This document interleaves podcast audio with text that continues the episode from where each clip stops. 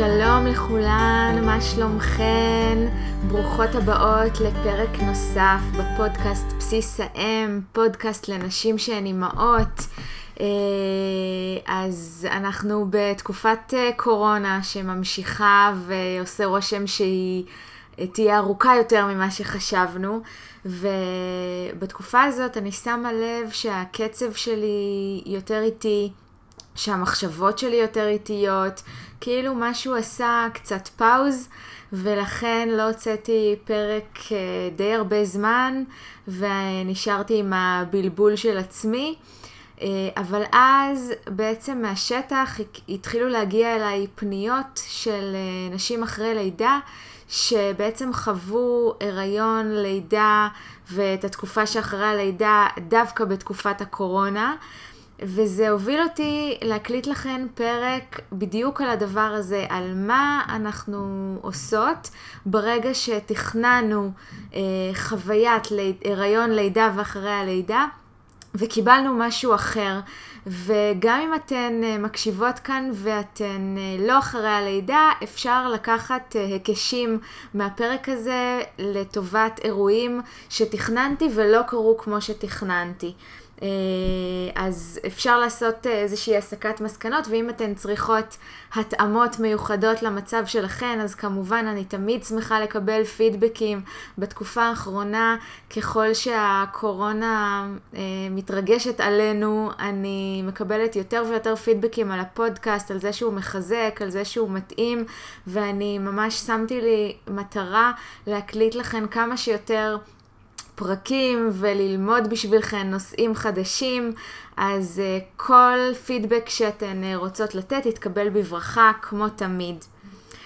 אז uh, בעצם הרוצה, הנושא הראשון שהייתי רוצה לדבר עליו הוא העניין של התכנון.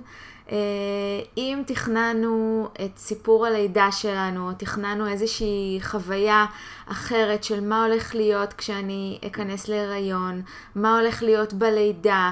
יכול להיות שתכננתי לידה טבעית, יכול להיות שתכננתי לידה מהירה, יכול להיות שתכננתי שבן הזוג שלי יהיה עבורי בצורה מסוימת, יכול להיות שתכננתי כמות מסוימת של אנשים בחדר, יכול להיות שתכננתי רמת כאב מסוימת, וזה מגיע גם אחרי הלידה למה תכננתי כשאני אגיע עם התינוק או התינוקת שלי הביתה, האם תכננתי שאני אתחבר מהרגע הראשון, או איזושהי תמונה של... אה, שתינו יושבות מחובקות על כיסא נדנדה אה, ומרגישות את האופוריה הזאת שכולם מדברים עליה.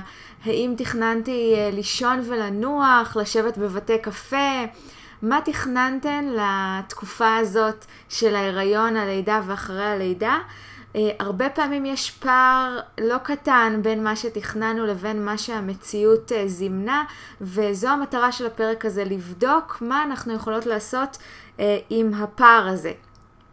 אז אני רוצה להתחיל בשאלה.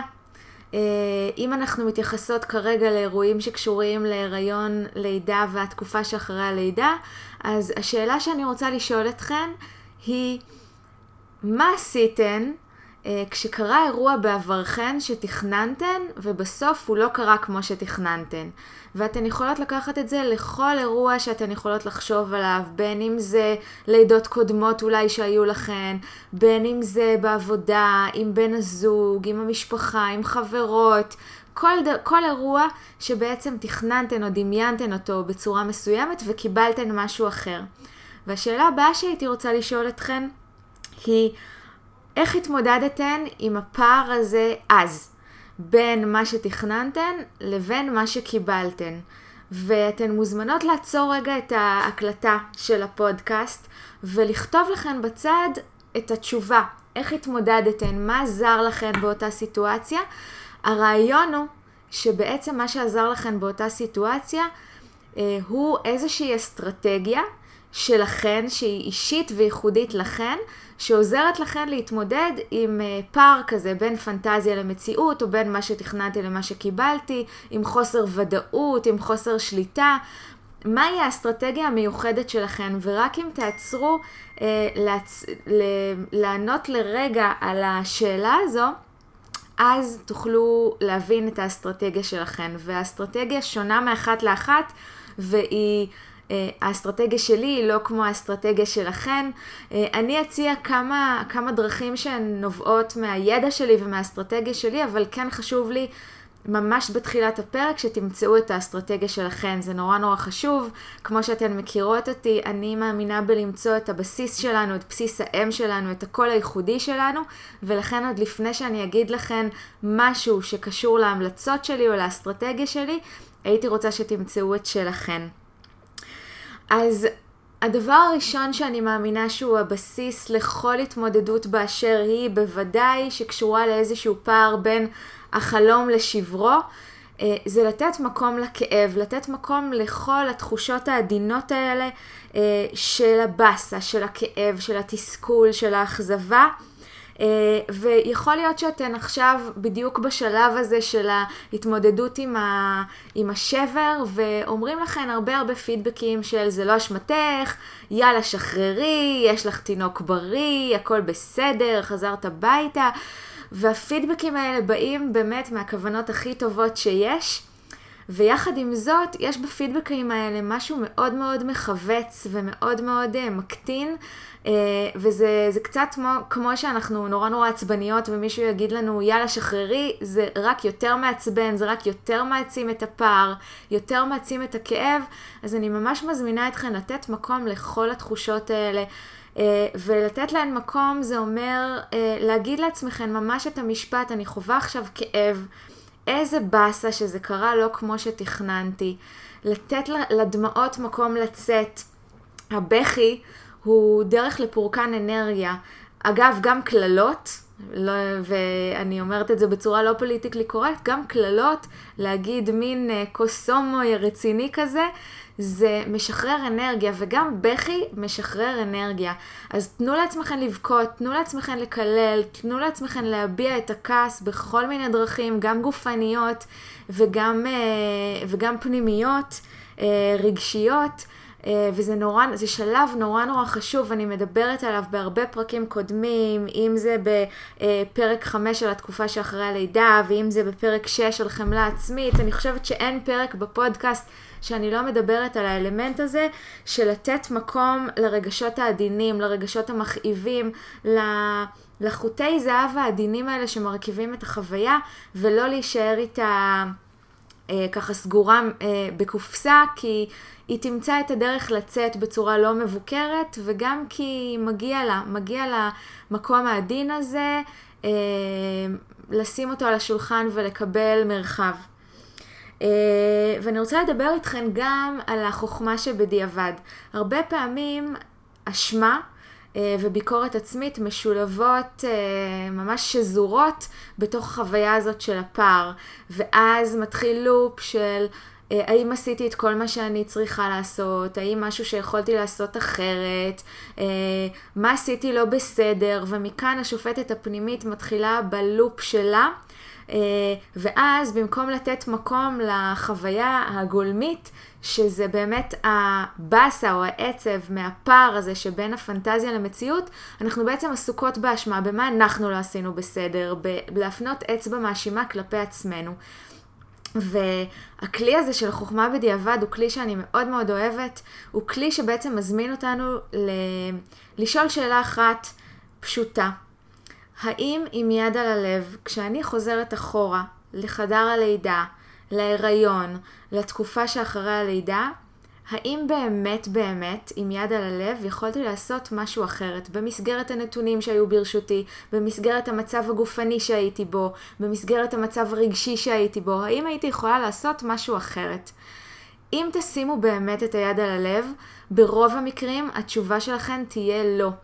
כי החוכמה שבדיעבד היא החוכמה שבדיעבד. אנחנו בעצם מסתכלות אחורה אל אירוע שקרה בעבר, גם אם הוא היה לפני חמש דקות וגם אם הוא היה לפני שעה, או לפני שבוע, או חודשיים, או שנה.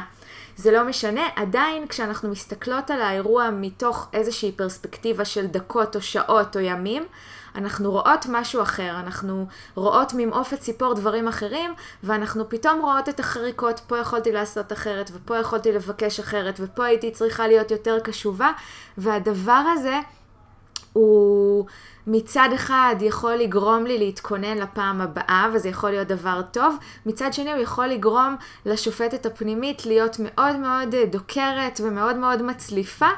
בעוד שבסופו של דבר יכול להיות שאם הייתי חוזרת לאותו אירוע עם כל הנתונים שהיו ברשותי, לא הייתי יכולה לעשות שום דבר אחרת, ובאמת עשיתי את המיטב שהייתי יכולה. אם התשובה שלכן היא לא, ואתן עונות לעצמכן שבמסגרת כל הנתונים שהיו ברשותכן, אכן יכולתן לעשות משהו אחרת, בסדר, על הכיפאק, אנחנו יכולות לצמוח משם ואנחנו יכולות להתכונן לפעם הבאה, בחמלה ובחיבוק. אבל אם התשובה שלכן היא לא, חבקו את עצמכן, חבקו את עצמכן חזק, ו... ותהיו שם בשביל עצמכן מקום בטוח ובסיס בטוח ותומך.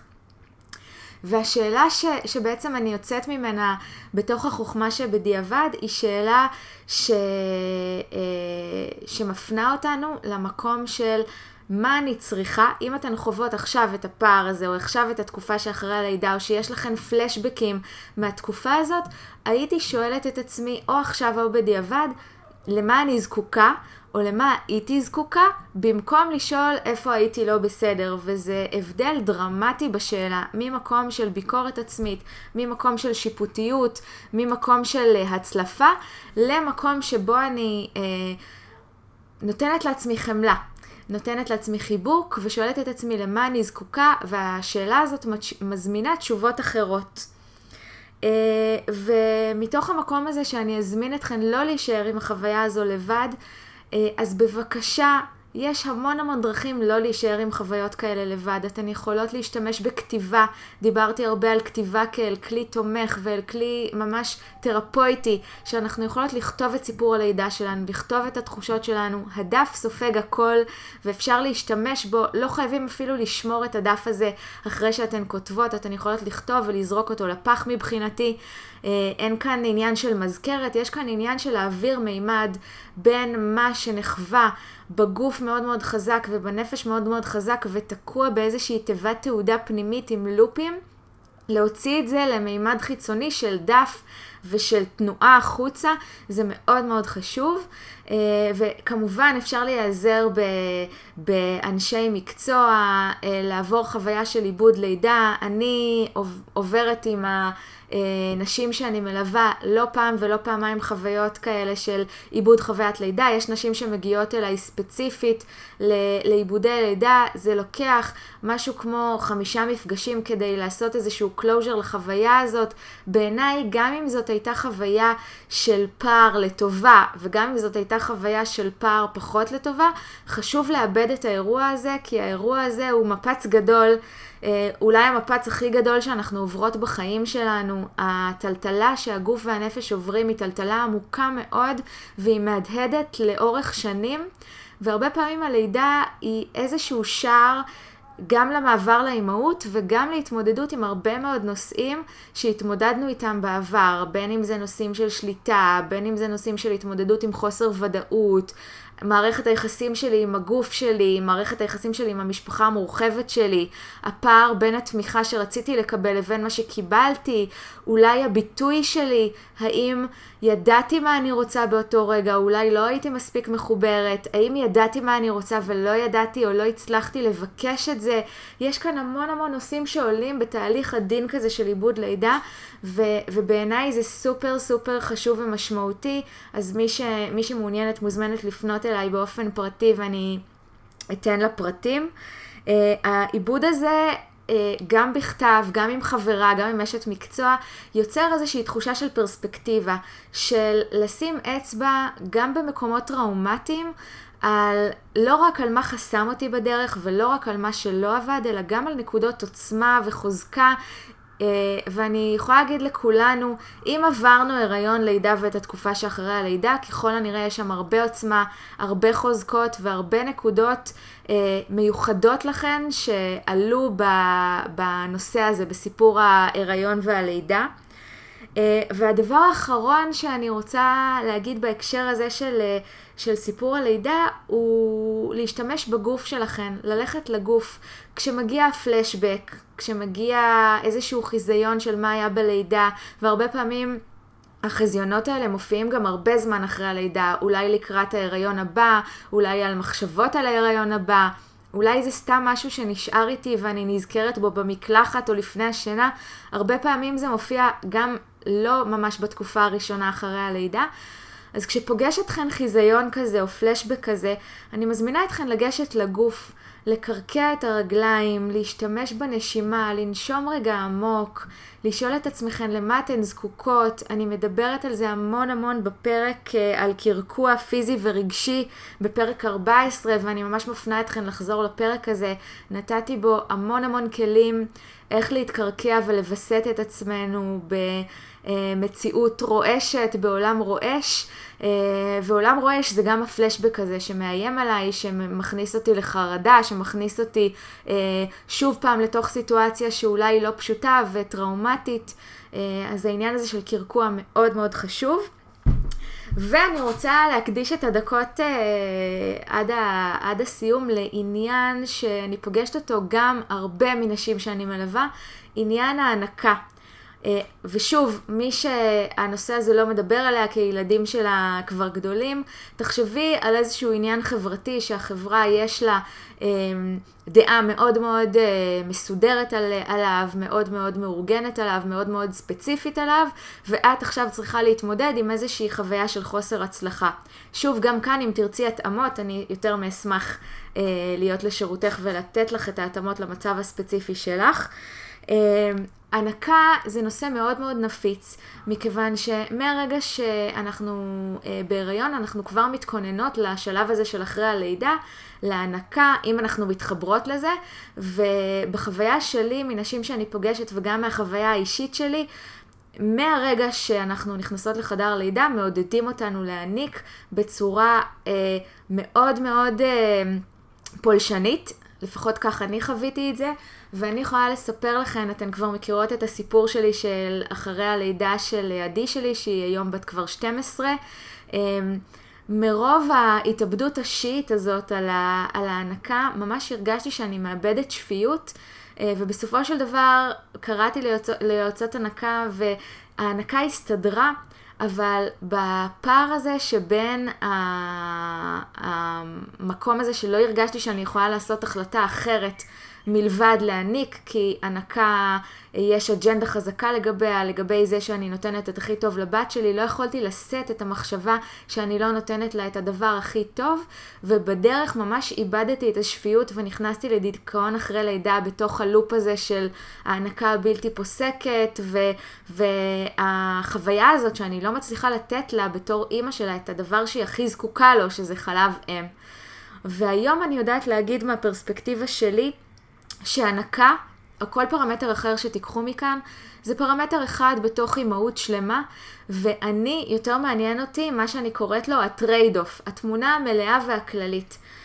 אה, שפיות הנפש שלי כאימא בדיעבד הייתה הרבה יותר חשובה מאשר ההתאבדות השיעית הזאת להעניק, ואילו הייתי חוזרת היום בזמן לתקופה שאחרי הלידה של, עדי, יש, יש מצב שהייתי מפסיקה להעניק, ומקדישה את הזמן הזה לטפל בעצמי ו, ולנוח יותר במקום להיות בלופ הבלתי פוסק הזה. אני לא אומרת את זה כי אני מתנגדת חלילה להנקה, אני כן אומרת את זה כי חשוב לי ה trade-off וחשובה לי השפיות שלכם. בואו תבדקו האם יש עוד דרכים מלבד דרך אחת מוחלטת של אג'נדה שמישהו אמר. האם אתן באמת רוצות להניק? האם זה באמת משאת הנפש שלכן? איזו עזרה אתן יכולות לקבל? האם אפשר לשלב גם, גם וגם? האם אפשר להפסיק אם אתן רוצות? זו בחירה שלכן, זה הגוף שלכן, זה נפש שלכן, ואתן uh, יותר, מ, יותר מרשאיות לבחור בבחירה המדויקת עבורכן. ושוב אני חוזרת כאן לתחילת הפרק, אף אחד לא יכול להגיד לכן מה טוב עבורכן, מה טוב לתינוק שלכן, זו בחירה שלכן, והבחירה החופשית כאן היא סופר סופר משמעותית. Uh, וכשאתן נכנסות ל- ללופ הזה של האשמה, אני מזמינה אתכן להשתמש במשפטים מחזקים או מנטרות של אני עושה את הכי טוב שאני יכולה, או יש מלבד הפרמטר הזה, או מלבד הנקה, עוד דרכים לאימהות טובה. אה, וגם אם אתן נזכרות אחורה והחלטתן להפסיק להעניק וזה יושב עליכן, יש הרבה אמהות שמגיעות אליי ונשאו החלטה בדיעבד אה, להפסיק להעניק והן לא היו, אה, לא שלמות איתה בדיעבד.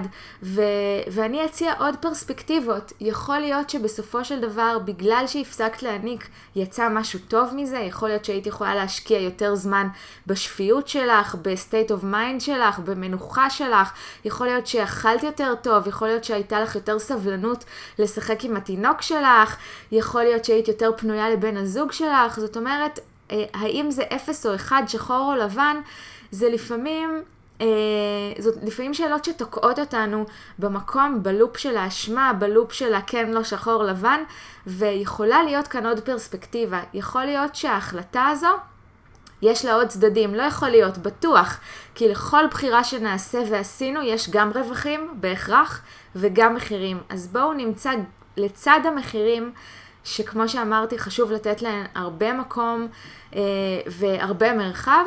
אה, אז אני מזמינה גם לתת מקום ל, ל, לרווחים אה, שזכינו להם. אז, אה, אז בעצם כאן אני מסיימת את הפרק הזה שבעצם עסק בפער בין פנטזיה למציאות, גם בהיבט של סיפור הלידה שלי, סיפור ההיריון שלי, התקופה שאחרי הלידה. הנקה היה לי חשוב להתייחס אליה באופן ספציפי, מכיוון שזה נושא שאני פוגשת שוב ושוב ושוב ושוב בקליניקה שלי. אה, אני מזמינה את כל מי שמעוניינת אה, לעבור תהליך עיבוד לידה. אה, אצלי או אצל מישהי אחרת, אם אתן מתעניינות בתהליך עיבוד לידה אצלי, אז אני יותר מאשמח לתת לכן פרטים, ו, ושוב אני מפנה אתכן לפרקי, פרקים שקשורים פרק 14, פרק 5 ופרק 6, וכמו תמיד אני מאוד מאוד אשמח לקבל מכן פידבקים, לקבל מכן רעיונות על מה שמטריד אתכן, על מה שמעניין אתכן. מבטיחה, מבטיחה להיענות בהתאם, ועוד הבטחה שאני שמה כאן וזורקת את התיק מעבר לגדר, כמו שדוקטור טל בן שחר אומר, להתחייב בפומבי זה להתחייב uh, בצורה יותר חזקה ויותר עמוקה.